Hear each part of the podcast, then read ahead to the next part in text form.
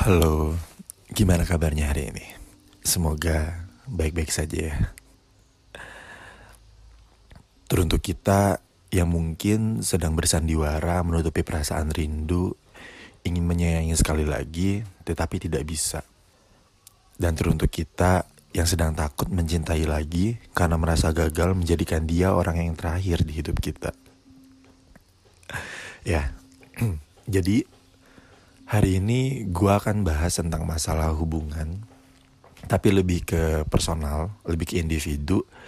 Jadi beberapa hari yang lalu ada yang pernah kasih saran ke gue. Dia bilang, coba deh bikin podcast tentang seseorang yang terlalu takut untuk buka hati karena masa lalunya. Oh mungkin maksudnya karena kegagalan di hubungan sebelumnya ya. Atau seseorang yang takut untuk jatuh hati ke orang lain. Oke, okay kalau menurut gue masalah ini tuh bukan masalah segmentasi. Kenapa gue ambil topik ini yang terkesan ah ini terlalu cheesy atau gimana gitu ya. Tapi kalau menurut gue ini masalah yang bukan segmentasi hanya anak remaja aja yang ngalamin gitu ya.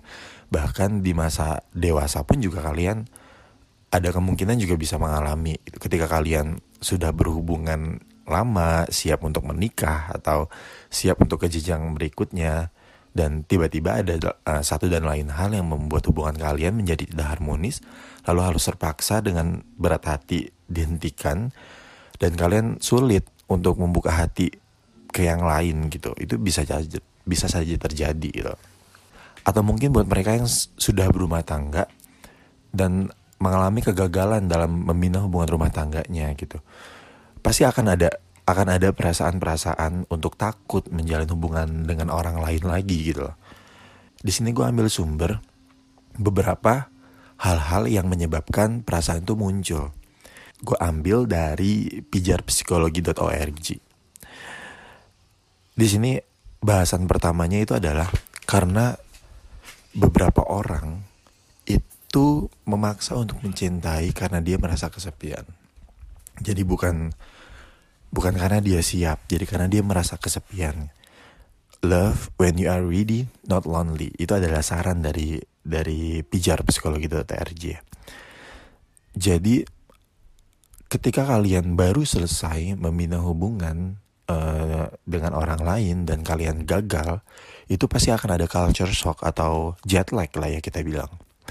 Akan ada hal-hal atau keadaan-keadaan yang berubah keadaan yang sebelumnya kita diperhatikan, ada yang memperhatikan, ada yang menanyai kabar, ada yang uh, chatting mungkin setiap hari atau telepon atau video call atau voice call dan segala macam.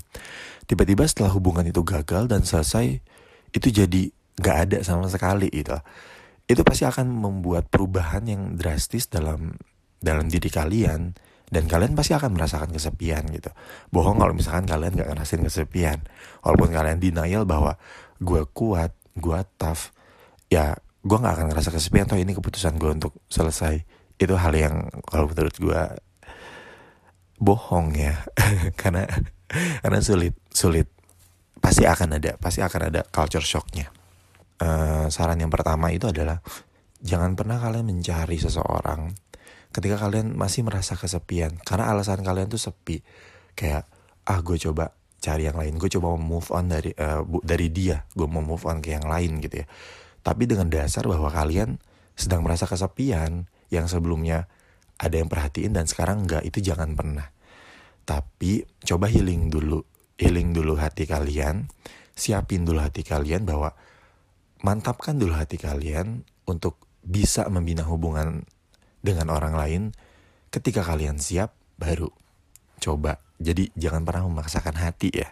Ketika sudah ya sudahi. Ketika siap ya lanjutkan gitu mungkin. Bukan hati kita yang salah tempat untuk memberi kasih sayang. Bukan diri kita yang sepenuhnya salah. Hanya saja diri ini sedang bertumbuh memperbaiki diri untuk menemukan figur yang memang layak berproses bersama. Setuju banget.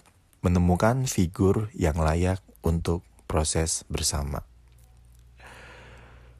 Rasa takut ketika akan memulai kembali mencintai sebenarnya berasal dari rasa takut dalam diri yang belum sepenuhnya sembuh. Nah ini yang tadi gue bilang kan. Jadi healing dulu, sembuhin dulu, siapin dulu hati kalian.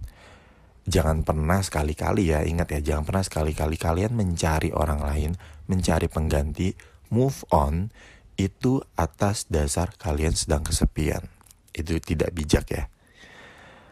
Takut untuk tidak diterima, takut untuk disalahkan, dan takut untuk disakiti kembali. Nah itu adalah uh, indikator-indikator bahwa diri kalian tuh belum siap ya. Maka dari itulah kita sering kali lebih memilih mengunci perasaan dalam-dalam dan mencoba memulihkannya terlebih dahulu. Nah ini adalah saran yang sangat bijak. Terus untuk saran yang kedua, bukan perkara menghabiskan waktu dengan orang yang salah. Jadi kalian jangan pernah menyalahkan keadaan gitu ya. Jadi ketika kalian gagal dalam membina hubungan, kalian mengutuk diri kalian bahwa ah gue gagal, gue udah gagal membina hubungan sama dia. Artinya gue akan gagal terus-terusan itu adalah hal yang bukan bukan hal yang bijak gitu ya. Jadi saat berada pada titik terjenuh atau titik jenuh tertentu, mungkin kita sempat berpikir mengapa kita pada akhirnya mengakhiri sebuah hubungan. Ya, jadi ketika kalian merasa sepi mungkin ya, beres mengakhiri hubungan dengan seseorang gitu ya. Padahal pada saat itu nih ya, kalau boleh jujur ya, sok jujur dalam hati masing-masing. Pasti pada saat itu gue yakin gue bakal mutusin gue yakin ini hubungan udah nggak sehat ini udah selesai stop sampai di sini tapi seiring berjalannya waktu beberapa hari setelahnya atau beberapa minggu setelahnya itu akan ada perasaan yang muncul. Ini masa-masa kritis pertama ya. Akan ada perasaan yang muncul uh, kayak wah kenapa nggak gue tahanin aja ya? Kenapa nggak coba gue bersabar dulu sedikit? Kenapa nggak coba gue menurunkan ego untuk tidak bilang udah gitu. Kenapa gue nggak coba perbaiki dulu masalahnya kenapa harus kayak gini? Kenapa gue harus putus? Kenapa gue harus udahan? Gitu kan. Itu pasti akan ada perasaan kayak gitu. Itu pasti akan itu adalah masa krisis pertama. Dan itu adalah masa-masa penyesalan pertama buat kalian gitu ya. Jadi pada suatu waktu kita pernah merasa menyesal karena telah menghabiskan waktu dengan orang yang salah. Hubungan yang di awal-awal membuat orang lain ingin berada di posisi kita, bukankah lebih baik berakhir jika setiap bersama yang ada hanya menyakiti diam-diam. Nah ini sih, ini epic sih. Katanya Bukankah lebih baik berakhir jika setiap bersama yang ada hanya menyakiti diam-diam? Ini agak sulit untuk dijelaskan. Atau kalian udah pernah ngalamin? Kalau gue sih pernah. Gue pernah ngalamin. Jadi uh, suka sama dia. Gue merasa bergantung juga sama dia. Sangat merasa ter ketergantungan bahkan menjadi candu. Dia itu adalah candu. Kabar dia itu candu buat gue gitu.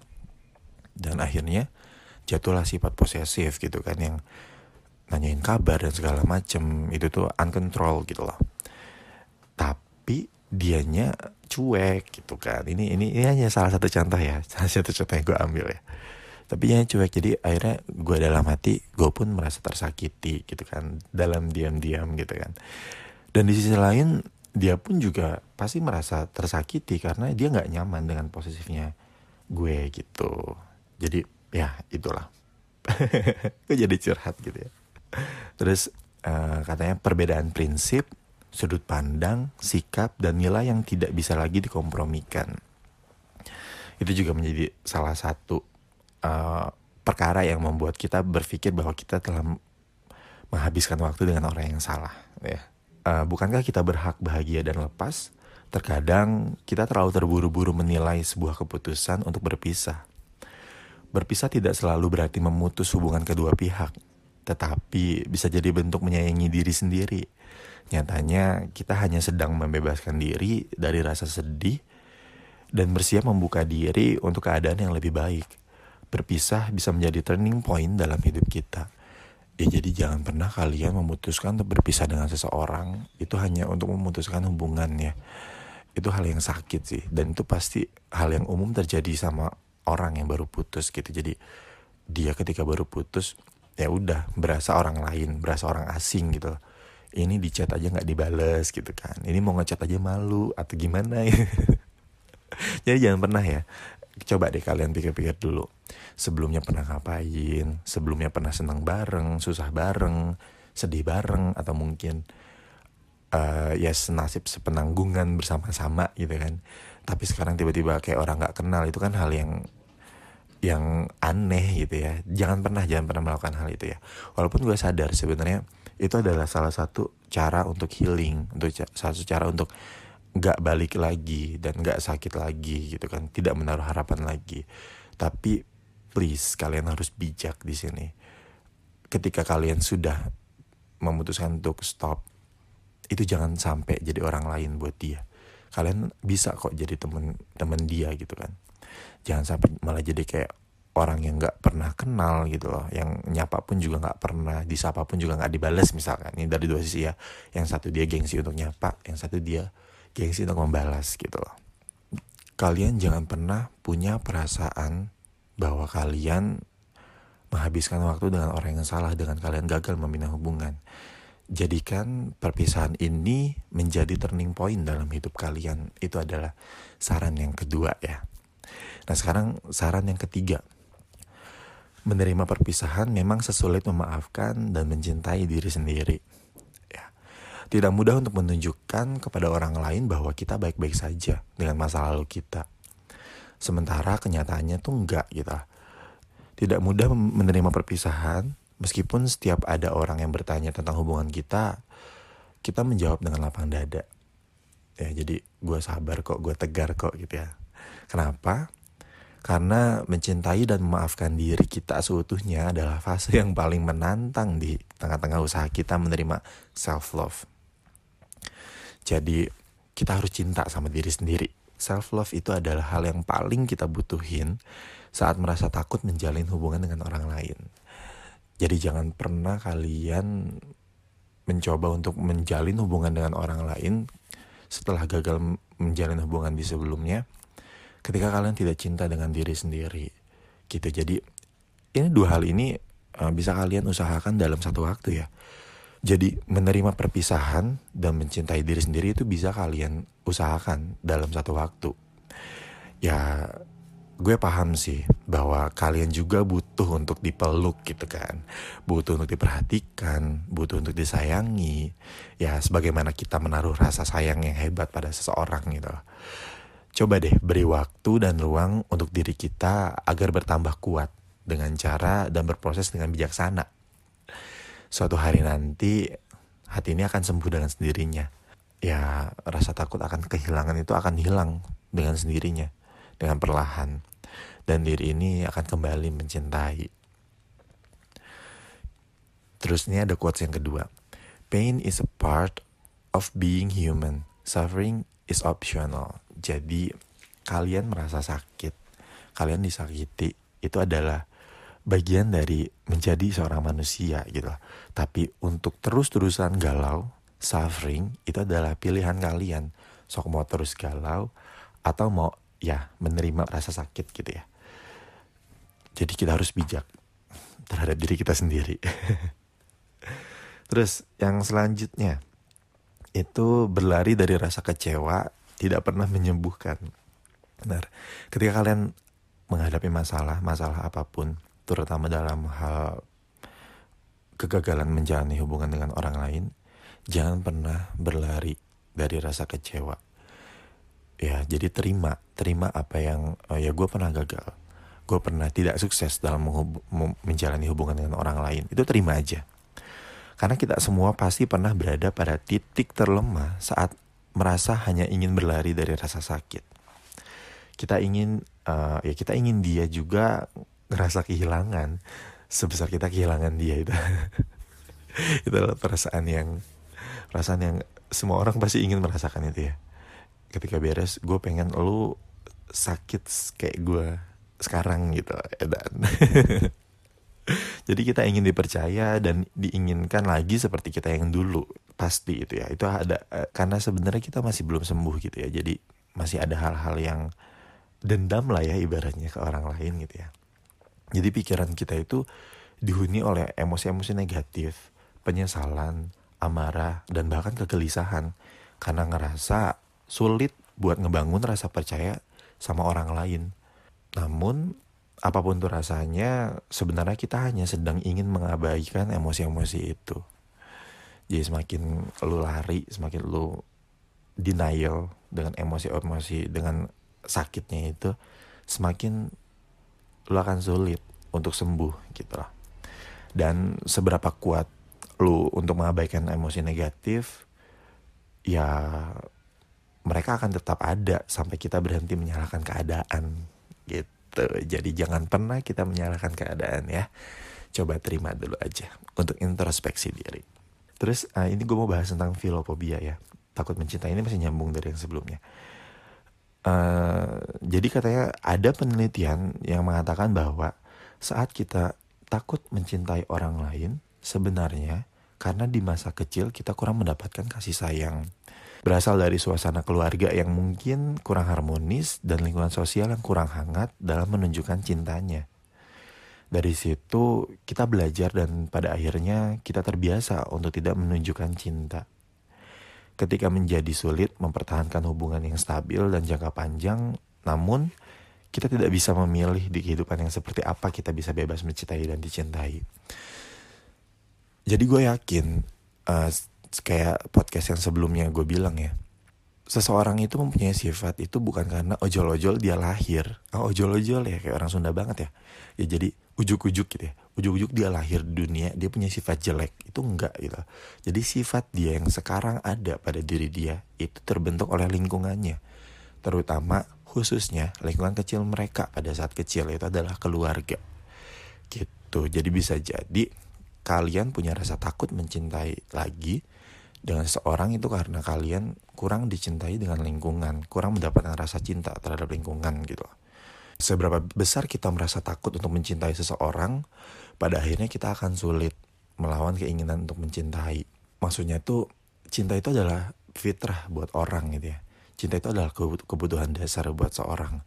Seberapa besar pun kita merasa takut untuk mencintai, ya pada akhirnya kita akan sulit melawan keinginan untuk mencintai gitu loh. Sebab karena cinta itu sendiri adalah candu ya atau kebutuhan dasar. Kita manusia yang takut mencintai didominasi oleh kecemasan yang akarnya berasal dari masa lampau.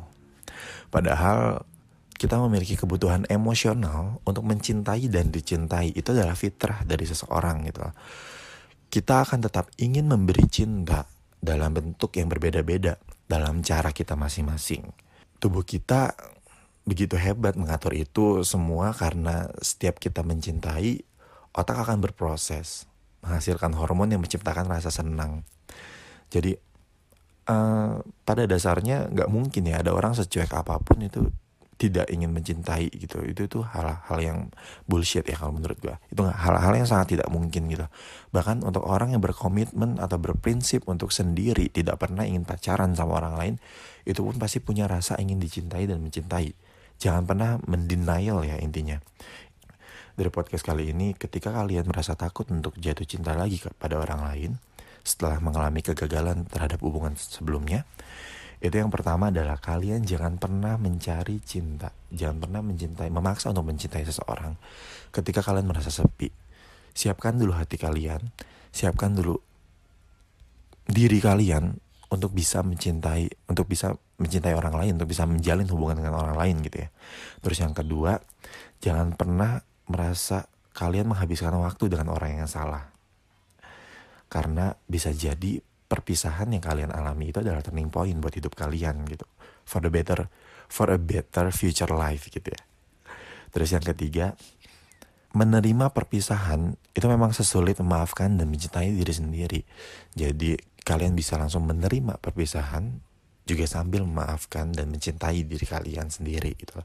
Karena self love adalah hal yang paling kita butuhkan saat merasa takut menjalani hubungan dengan seseorang. Karena juga suatu hari nanti gue percaya hati kalian pasti bakal sembuh dari rasa takut yang hilang perlahan-lahan dan diri ini juga akan kembali mencintai. Terus yang selanjutnya, jangan pernah berlari dari rasa kecewa karena berlari dari rasa kecewa itu tidak pernah menyembuhkan. Dan yang terakhir, kalian harus ingat bahwa kalian itu adalah manusia. Kita semua adalah manusia yang pada dasarnya butuh untuk mencintai dan dicintai. Setelah kalian sudah melakukan proses-proses yang sebelumnya, rasa ini tuh akan muncul sendiri. Ya, sekian podcast kali ini tentang kegagalan men menjalin hubungan dengan orang lain dan ketakutan untuk men untuk menjalani hubungan setelahnya. Semoga beberapa saran yang tadi gue omongin itu bisa menjadi masukan buat kalian. Jadi jangan pernah uh, patah semangat, jangan pernah merasa kalian tuh sendiri karena kalian, karena kita ini manusia adalah makhluk sosial yang perlu mencintai dan perlu dicintai. Ingat, lihat sekeliling kalian, buka mata kalian, buka hati kalian, pelan-pelan. Don't push too hard. Jadi jangan terlalu memaksakan diri untuk bisa mencintai orang lain, memaksakan diri untuk dicintai orang lain. Jangan pernah mendenial ya, jangan pernah mendenial sesuatu ya. Gue harap uh, hati kalian selalu baik-baik saja. Karena hati kalian tuh kuat. Gue percaya hati seseorang yang pernah tersakiti itu pasti adalah hati yang sangat kuat. Berikut gue kasih uh, selingan ya. Sebuah lagu yang berjudul Break My Heart Again.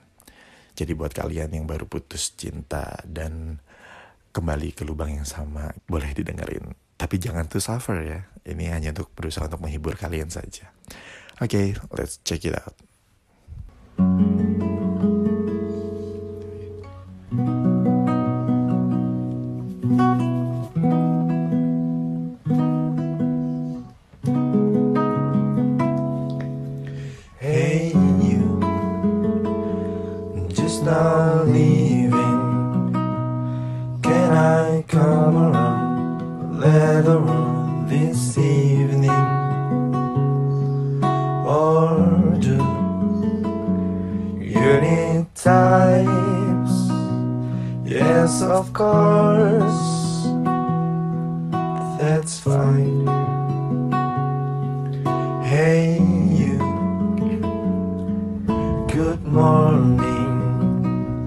So you're busy now. Why else would you ignore me?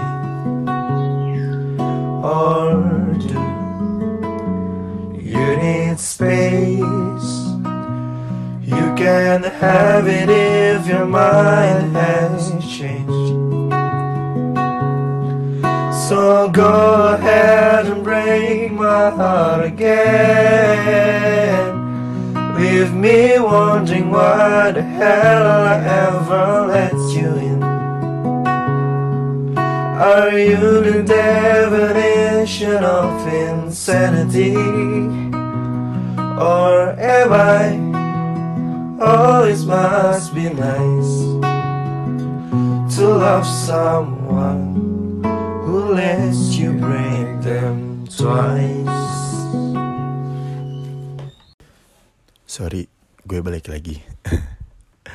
Yang terakhir, hanya ingin memastikan kalau hati kalian aman dan akan tetap selalu nyaman apa pun yang terjadi nantinya.